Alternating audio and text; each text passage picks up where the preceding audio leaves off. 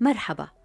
نقوم في راديو وتلفزيون الآن بمتابعة أخبار الجهاديين كما ترد على منصات التواصل الاجتماعي وخاصة المشفرة منها مثل التليجرام. نحاول أن نضعها في إطارها. ماذا تعني اليوم؟ وكيف ترتبط بما كان أمس؟ وكيف ستؤثر في الغد؟ أنا نهاد الجريري. أهلا بكم. مرصد الجهادية بودكاست على راديو الآن. أهلا بكم إلى حلقة هذا الأسبوع من مرصد الجهادية. نغطي فيها الفترة من 19 إلى 25 يوليو 2020 تقبل الله طاعاتكم وعيد أضحى سعيد. في العناوين بعد شهرين من الملاحقة هيئة تحرير الشام تقبض على واحد من أشد معارضيها قيادي حراس الدين سابقا أبو يحيى الجزائري. ما الذي يريده الجولاني من شمال سوريا بالضبط؟ آه، حلمه إنه هو يعمل مشروعه الخاص آه، يبني مجده. طبعا هو يعني حلمه عدم الاكتفاء بإدلب وعدم الاكتفاء بسوريا أصلا. حتى عمل منبر حتى يخطب عليه بس يدخل القدس وكذا استلهاما للحادثة التاريخية الشهيرة وهيك. وكيف تحول من مقاتل إلى قاسم ظهر الجهاد أثبتت انحرافه كل الفتاوى الشرعية. تنظيم الوليد يسمى جبهة النصرة. هو راح أضاف عليه من مجاهدي الشام في ساحات الجهاد. يعني هو من الأول كان عم يفخخ التنظيم لحتى يقول إنه هذا التنظيم هو تنظيم من السوريين. ضيفنا هذا الأسبوع الأستاذ حسام جزماتي الكاتب والباحث السوري. وهي انه الجولاني لما اعتقل اعتقل بهوية عراقية مزورة. واستطاع إقناع الأمريكان و العراقيين اللي بيكونوا معهم لفحص اللهجة استطاع إقناعهم أنه هو عراقي فسجن مع العراقيين لم يسجن مع المهاجرين. ويستمر التراشق بين مؤيدي الهيئة ومعارضيها من منهما خدم الجهادية أكثر. وهل تترك القاعدة ساحة الشام بسهولة؟ رسائل جديدة إلى القاعديين قوية ومباشرة. وبإمكانكم الاطلاع على نص هذه الحلقة والنسخة التلفزيونية على أخبار الآن دوت نت. مرصد الجهادية بودكاست على راديو الآن.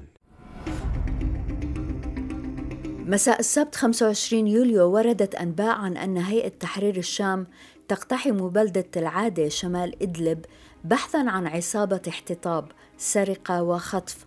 وأن قتالا نشب بين الفريقين ما أوقع قتيلين مدنيين على الأقل. كيف صار علينا التلادي محاصرين بالبيت. وشوفوا الاشتباكات هون مشان الله تعالوا فكوها مشان الله. نحن شو زنفنا يعني؟ بس تعالوا فكوها عنا. نحن محاصرين بالبيت وحوالينا. لاحقا نشرت معرفات معارضة أن الهيئة اعتقلت أبو يحيى الجزائري. والجزائري كان قياديا في حراس الدين قبل أن يفصله التنظيم في يونيو 2019 بسبب إصراره على محاكمة أبو همام الشامي وسامي العريدي لأنهما قبلا مشاركة هيئة تحرير الشام في غرفة وحرد المؤمنين. وفي الشهر التالي وأثناء اجتماع مع آخرين فصلوا في ذات المسألة قصف التحالف مقر الاجتماع فقتل عدد منهم واعتقد وقتها أن الجزائري كان من بين القتلى. هيئة تحرير الشام تبحث عن الجزائر منذ مدة في مايو الماضي نشر حساب مزمجر الثورة أن عين الهيئة كانت على الجزائر عندما اقتحمت عرب سعيد أول مرة في رمضان الماضي في قضية احتطاب أبو عمر منهج. حساب الأمن العام التابع للهيئة أعلن بعد ساعات أنه تمكن من إلقاء القبض على أغلب أفراد خلايا الخطف في قرية العادة منهيا بذلك المواجهة. في الأثناء نشرت معرفات موالية للهيئة فيديو لرجل يعذب بالكهرباء وقالت إنه من أفعال عصابة الجزائري. معارضو الهيئة ردوا بأن الفيديو قديم لا يمت بصلة للجزائري وأن الهيئة تبرر بالاحتطاب بغيها كالمرة الماضية في عرب سعيد. الدلاتي للإعلام وهو حساب مقرب من الهيئة نشر بعض الوثائق والأسلحة التي وجدت في أحد مقرات الجزائر بما فيها فتاوى له يجيز فيها الاحتطاب. في ردود الفعل حساب الشمال الحر الموالي علق المداهمة في تلعادة والبكاء في الأردن إشارة إلى تعليق غير مباشر للمقدسي قال فيه في خير أيام الدنيا يتقرب الأشقياء إلى الشيطان بأخبث الأعمال من سفك دماء المجاهدين. حساب العروة الوثقى المعارض قال وليكتب التاريخ أن مهاجري بلاد الشام قد قتلوا وأسروا وطوردوا. مرصد الجهادية. اذا كيف تبدو إدلب هذا الأسبوع؟ في 22 يوليو ولأول مرة سارت القوات الروسية التركية المشتركة على طول ال M 4 ابتداء من بلدة ترنبة التي يسيطر عليها جيش النظام بريف إدلب الشرقي إلى تل حور بريف اللاذقية الشمال الشرقي بطول 70 كيلومتر مرورا بسراقب أريحة محنبل فريكة وجسر الشغور. وهذه مناطق سيطرت هيئة تحرير الشام بالكامل خاصة بعد أن طردت حراس الدين من جسر الشغور. هذه إذا هي أول مرة تتمكن فيها الدورية المشتركة من إتمام خط سيرها بموجب اتفاق موسكو المبرم في مارس 2020 تناقلت معرفات الهيئة صورة مركبة مدرعة قالوا إنها من تصنيع الهيئة. يحيى الفرغلي شرع الهيئة قال إنها تنطق قائلة دع المشوشين يعيهم العويل وانحت بأفعالك صفحات مشرقة في تاريخ الإسلام. الحساب المعارض رد عدوان البغاة في تعليق طويل تحت عنوان ميد إن هاتش قال وفق منهج هيئة تتريك الشام فإن كل من يحمي دوريات الكفرة أي الأتراك والروس هم المجاهدون حقا وقد صاغ لنا مرقعو الهيئة جهادا حازوا به على براءة اختراع ميدن هاتش لم يسبقهم إليه أحد. ويستمر التراشق بين معارضي الهيئة ومؤيديها من خدم الجهادية أكثر. حساب ليالي حلب المعارض نشر بيانا عن مجلس الشورى في الهيئة بتاريخ مايو 2017 وفيه رفض مقررات أستانا التي أسست للاتفاق التركي الروسي. وعلق في سنة 2017 يجب على كل مسلم العمل على خرق هذه الاتفاقية أما في سنة 2020 فثلاث نقاط. الشمالي الحر الموالي للهيئة نشر فيديو من أواخر مايو الماضي فيه توثيق لعمليات قام بها انتحاريو الهيئة وعلق نعيد نشرها لنلجم بها من اتهم مجاهدي الهيئة بالتقصير. عصام الخطيب المنشق عن الهيئة نشر استبيانا سأل فيه لم يترك الجولاني مدينة ولا قرية إلا واقتحمها فمن كان أكثر جدية في تنفيذ هذه العبارة؟ شبر شبر دار دار زنقة زنقة الجولاني أم القذافي؟ مرصد الجهادية. في خبر لافت عن الحزب الإسلامي التركستاني الذي يعمل مع الجولاني لكنه موالي للقاعدة أو هكذا نعتقد فقد نشرت معرفات معارضة للهيئة فيديو قالوا إنه يظهر التركستان وهم يسلمون الهيئة دبابة تعود ملكيتها لحراس الدين. حساب مزمجر الثورة علق. التركستان بأمر من الهيئة أخرجت غرفة فثبته من أربع نقاط في سهل الغاب وسرقوا دبابة الحراس التي كانت عندهم أمانة وسلموها للهيئة. الشمال الحر الموالي شارك فيديو عن التركستان بعنوان شهداؤنا الأبطال الجزء الرابع عن قائد ميداني سوري اسمه أبو عبد الله قتل في آب 2019 سبحان الله ثاني يوم حكونا الأخوي أنه قتل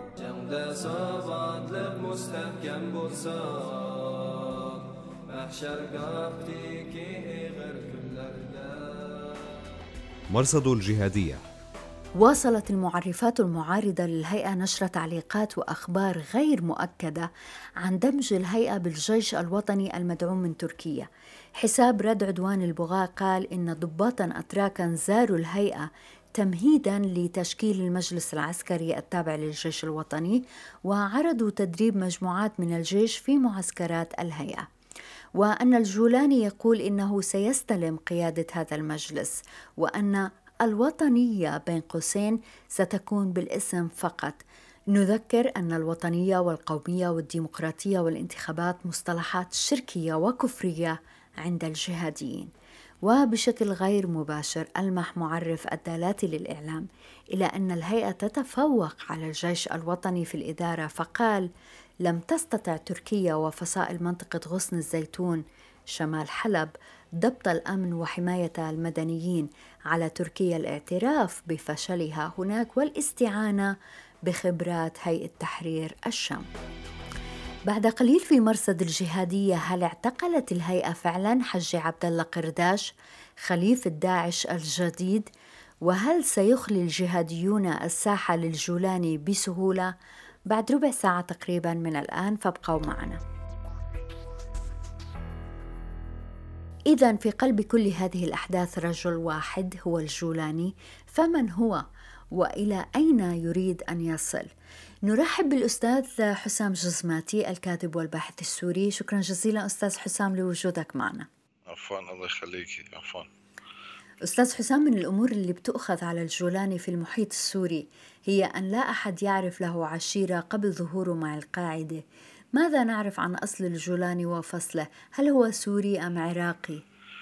هلأ حاليا صار يعني مؤكد إنه هو أحمد بن حسين الشرع من أصل جولاني بالفعل كما لقب نفسه.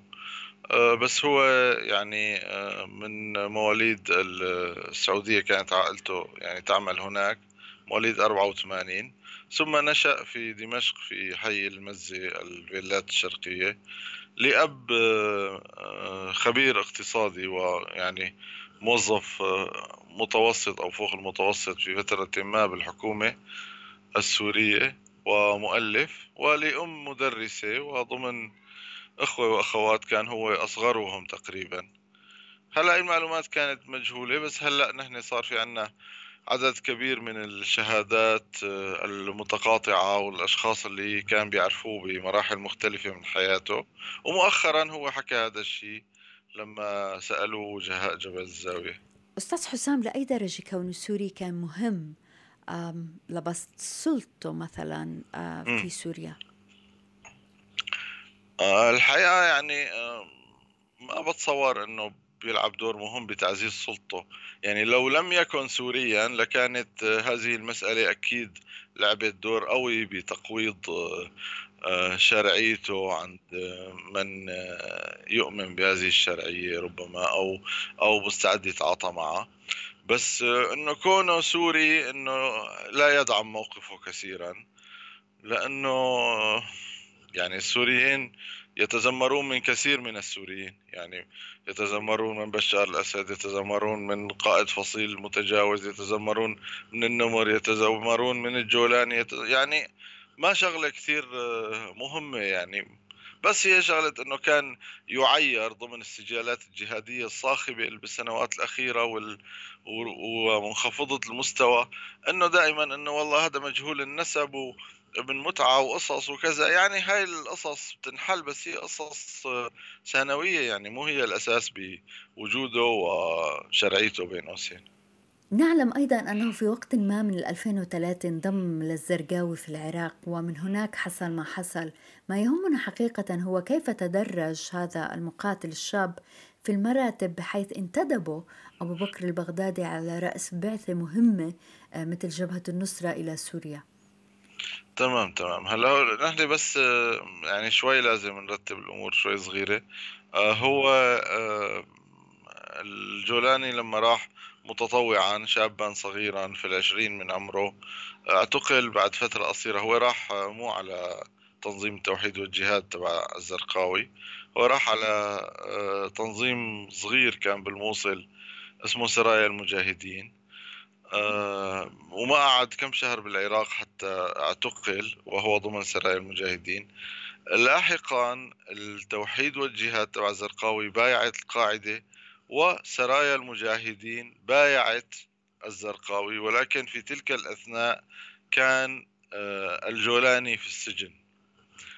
آه، فهو يعني أنا قصدي أنه هو ما كان مرتبط بتنظيم الزرقاوي. لما طلع كانت مشكلة مثل ما بتعرفي دولة العراق الإسلامية وكانت منحسرة إلى حدود دنيا بفترة لما طلع هو من السجن بال 2010 آه، بهاي الفترة كان هذا التنظيم أو الدولة مثل ما هن بسموها دولة العراق كانت آه، يعني آه، ضعيفة جدا وقليلة العدد.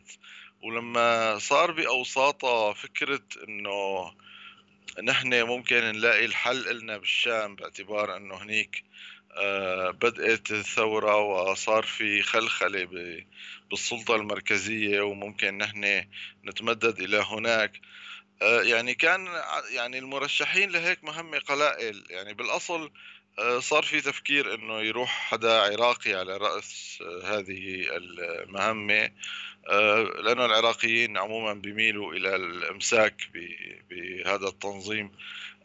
بس يعني استبعدت الفكرة لأنه كان في قرار أو كان في ميل إنه نحن لما بنروح لهناك ما راح نقول إنه نحن مبتعثين من قبل دولة العراق. لازم تظهر القصة تبدو القصة كأنها منبثقة من قلب الشارع السوري. فلذلك يعني بده يفضل أنه يكون شخص سوري. رشح شخص فلسطيني كمان استبعد شوي. فبعدين يعني إذا بدنا نفكر مين كان السوريين المرشحين مين كان من بضع المئات اللي كان تبقى عليها التنظيم واللي هن معظمهم عراقيين كان بقي من المهاجرين عدد أعداد قليلة يعني. مين كان من السوريين ممكن يرشح آه، يعني آه، يرشح لهي المهمة وينافس الجولاني؟ الحقيقة بعدين عرفنا أنه كان مثلا يكون المنافس الأقوى اللي هو آه، طه فلاحة الذي عرف لاحقا بالعدناني والناطق باسم داعش. هلأ بالمقارنة مواهب الجولاني أعلى قدراته الإدارية أفضل.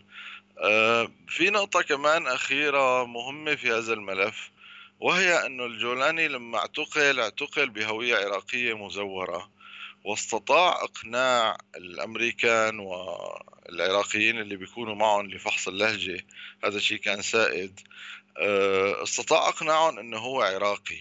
فسجن مع العراقيين لم يسجن مع المهاجرين. آه، خلال فترة سجنه مع العراقيين بنى علاقات طيبة باعتبار إنه هو يعني شخص آه، أحد وجوهه إنه هو متملق. آه، بنى علاقات طيبة مع عدد من الذين سيصبحون قيادات مهمة في دولة العراق لما راح يطلعوا من السجن مثل أبو علي الأنباري أو مسلم التركماني وهدول دعموا ترشيحه على رأس هي المهمة وهو استطاع أنه يعمل مثل مخطط صغير له ويقنع فيه البغدادي. و يعني دخلوا إلى سوريا في آب 2011 كيف إذا تحول هذا المقاتل المنتدب من البغدادي إلى تقسيم الجهاد الإسلامي بشكل لم يسبق له مثيل؟ في 2016 كنت حضرتك كتبت عن الجولاني يكشف وجهه ووصفته بأنه الشاب الطموح الذي يخوض مغامراته المنفردة كيف حدث هذا التحول؟ الحقيقة هذا التحول كامن أساسا بشخصية الجولاني. آه، هو شخص طموح وباحث عن المجد. ولما يعني بدنا نرجع للحظة الجهادية المؤسسة بحياته لأنه هو ما ابن أسرة جهادية ابن أسرة محافظة عادية عصامية آه، موظفين وهيك.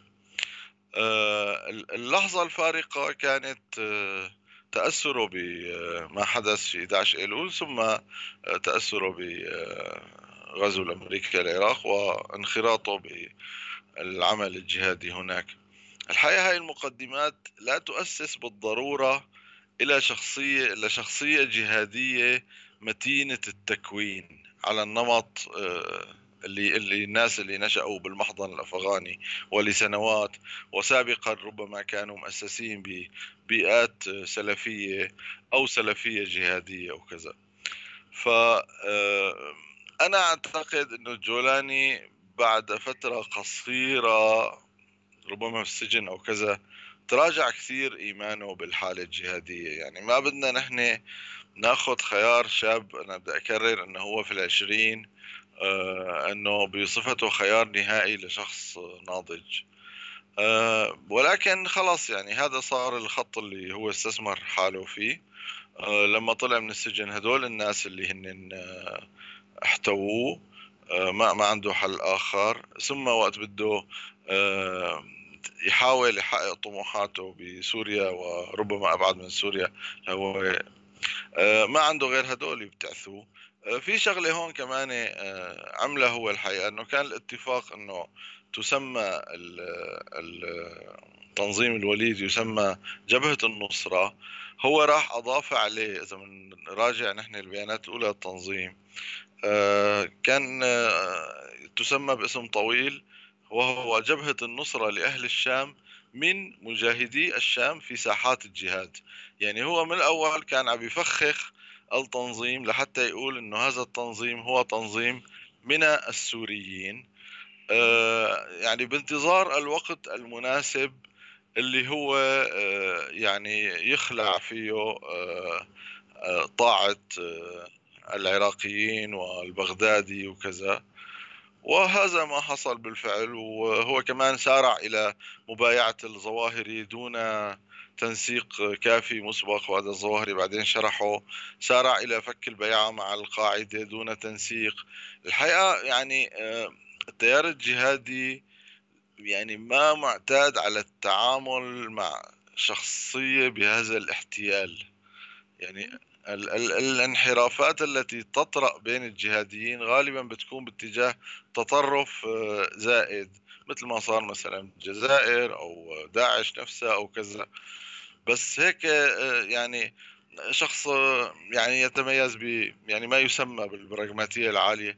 ومع العدة تبعها اللي يعني تتضمن تغيير المواثيق والعهود والكذب والخداع واستغلال الآخرين. ورميهم بعد خلاص مهمتهم بمسيرة صعوده هو.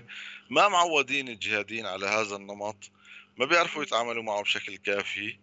وهذا ما أتاح له يعني فرص الصعود والاستمرار حتى الآن. أستاذ حسام من 2016 لما كتبت عن الجولاني يكشف وجهه إلى اليوم نحن بال 2020 هل يفاجئك شيء في سلوك الرجل؟ أه تقريبا لا تقريبا لا. بس أه يعني أنا يعني مستغرب شوي إنه لسه قدرته على النجاح والاستمرار حتى الآن. أنا بتخيل إنه مغامرته باعتبار إنه صار فيها الكثير من الأعداء راكم وراء الكثير من الأعداء. بتخيل إنه مغامرته ما ما مرشحة للنجاح و أتوقع أن أن أن يقتل يعني خلال سنة سنة ونص. ما بعرف على الضبط يعني طبعا. بس أتوقع إنه يعني هذا الشيء غير مرشح للاستمرار كما هو يأمل ما الذي يريد الجولاني؟ هل يريد أن يظل في دائرة الجهاد؟ هل يريد أن يكون على رأس ولاية تابعة لتركيا؟ يعني شو الوضع المثالي اللي بده إياه الرجل ينتهي عليه ويكون حقق حلمه؟ الوضع المثالي هو ما أسمى به نفسه لما كمان أول ما جاء سمى أبو محمد الفاتح الفاتح آه، تتضمن آه، من خلال طبعا الناس آه، سمعوا هذا الكلام منه وبيعرفوا بعض التفاصيل عنه حتى تتضمن فتح القدس. حلم الجولاني هو أن لا يكون يعني جزءا من أي شيء لا الجهاد العالمي ولا تركيا ولا كذا. حلمه أنه هو يعمل مشروعه الخاص يبني مجده طبعا هو يعني حلمه عدم الاكتفاء بإدلب إنه وعدم الاكتفاء بسوريا أصلا. حتى آه، عمل منبر آه، حتى يخطب عليه بس يدخل القدس وكذا استلهاما للحادثة التاريخية الشهيرة وهيك. فهو يعني أحلامه يعني تتضمن آه، يعني حالة من صلاح الدين أو شيء من هذا النوع. وربما لها كمان أبعاد شوي ما ورائية شوي مهدوية شوي هيك. الأستاذ حسام جزماتي الكاتب والباحث السوري. شكرا جزيلا أستاذ حسام لكل هالمعطيات. يخليك شكرا لك. مرصد الجهادية. إذا أعداء هيئة تحرير الشام لن يتركوا الساحة بسهولة. في 25 يوليو تعرض حاجز تابع لهيئة تحرير الشام إلى إطلاق نار أسفر عن قتل عنصرين. معرفات موالية للهيئة قالت إنه من تدبير داعش لم يرد تأكيد من داعش أو غيرهم. عروة عجوب الباحث في مركز دراسات الشرق الأوسط التابع لجامعة لوند السويد علق في حسابه على تويتر لكن من ليست له مصلحة في هذا الهجوم. نشرت معرفات معارضة للهيئة مثل مؤسسة الأثر والتوحيد أولا لأبو محمد المقدسي مؤلفا لأبو عبد الرحمن المكي بعنوان الراية. المكي هو من شرعيي حراس الدين وبعد انقضاض الهيئة على الحراس بعث رسالة لأعضاء التنظيم يدعوهم فيها إلى الصبر والثبات. هذه الراية كتبت في نهاية 2018 ونشرت هذا الأسبوع على ما يبدو. وأهم ما فيها فلو أن راية رفعت وأسست لمعصية الله تعالى فإنه لا يجوز الجهاد تحتها ولو لدفع صائل مع وجود غيرها.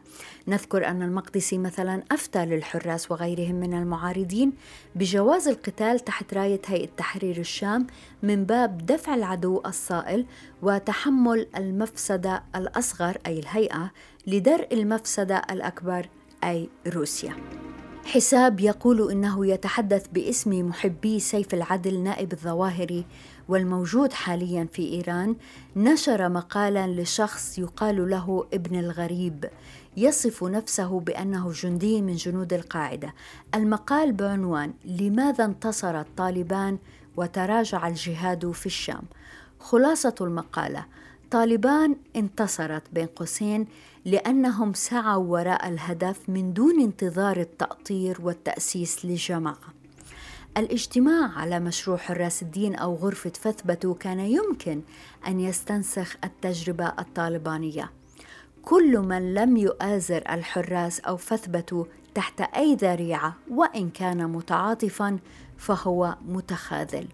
والفرصة لا زالت سانحة بالاجتماع وتناسي الخلافات.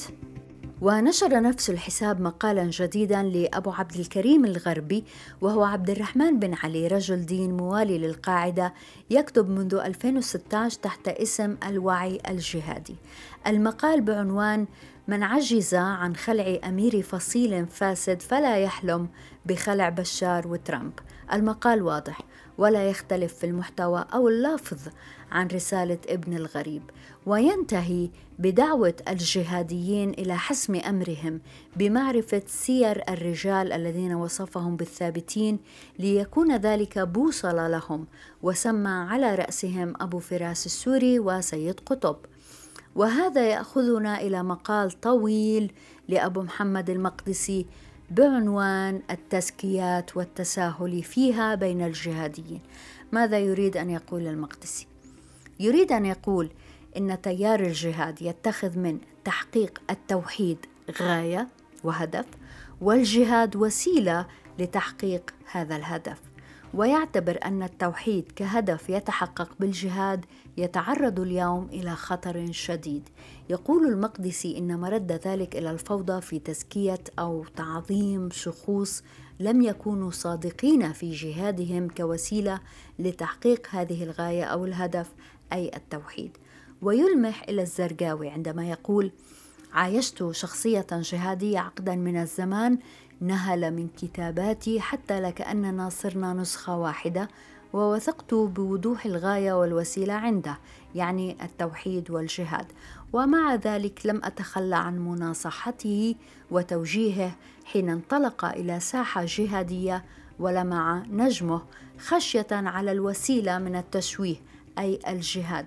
فكيف لو كان الخوف وقتها على الغاية أي التوحيد؟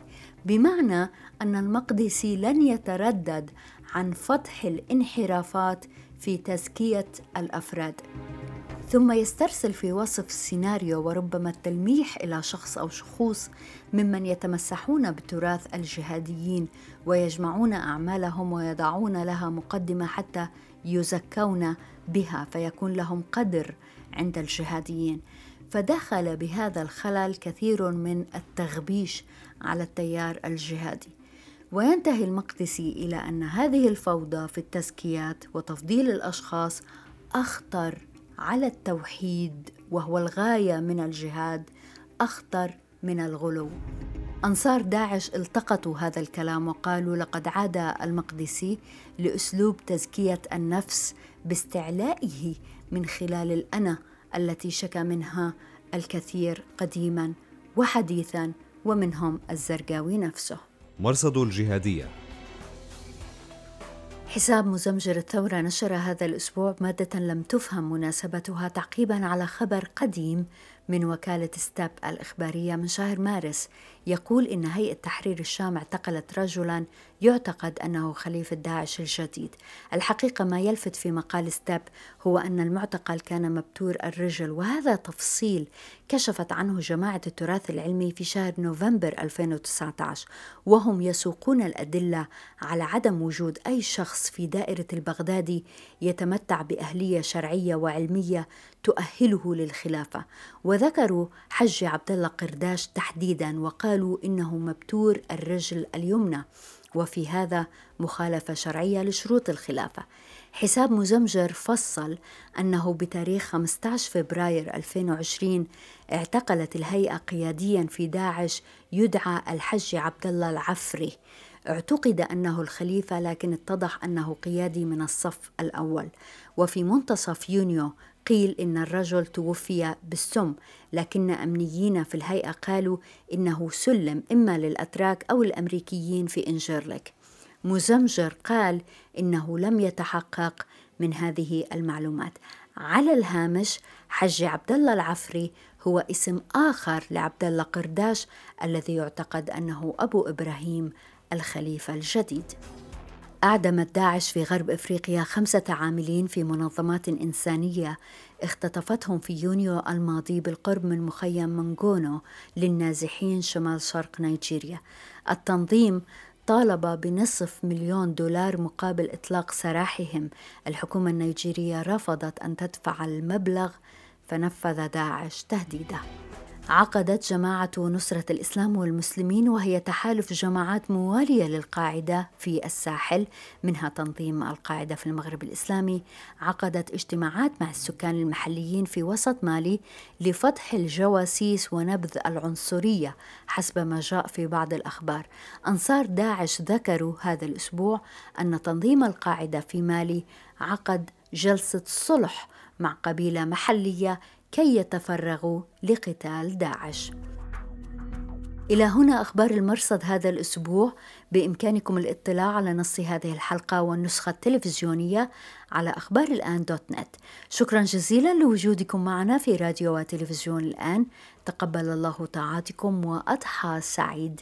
أنا نهاد الجريري. مع السلامة. مرصد الجهادية. بودكاست على راديو الآن.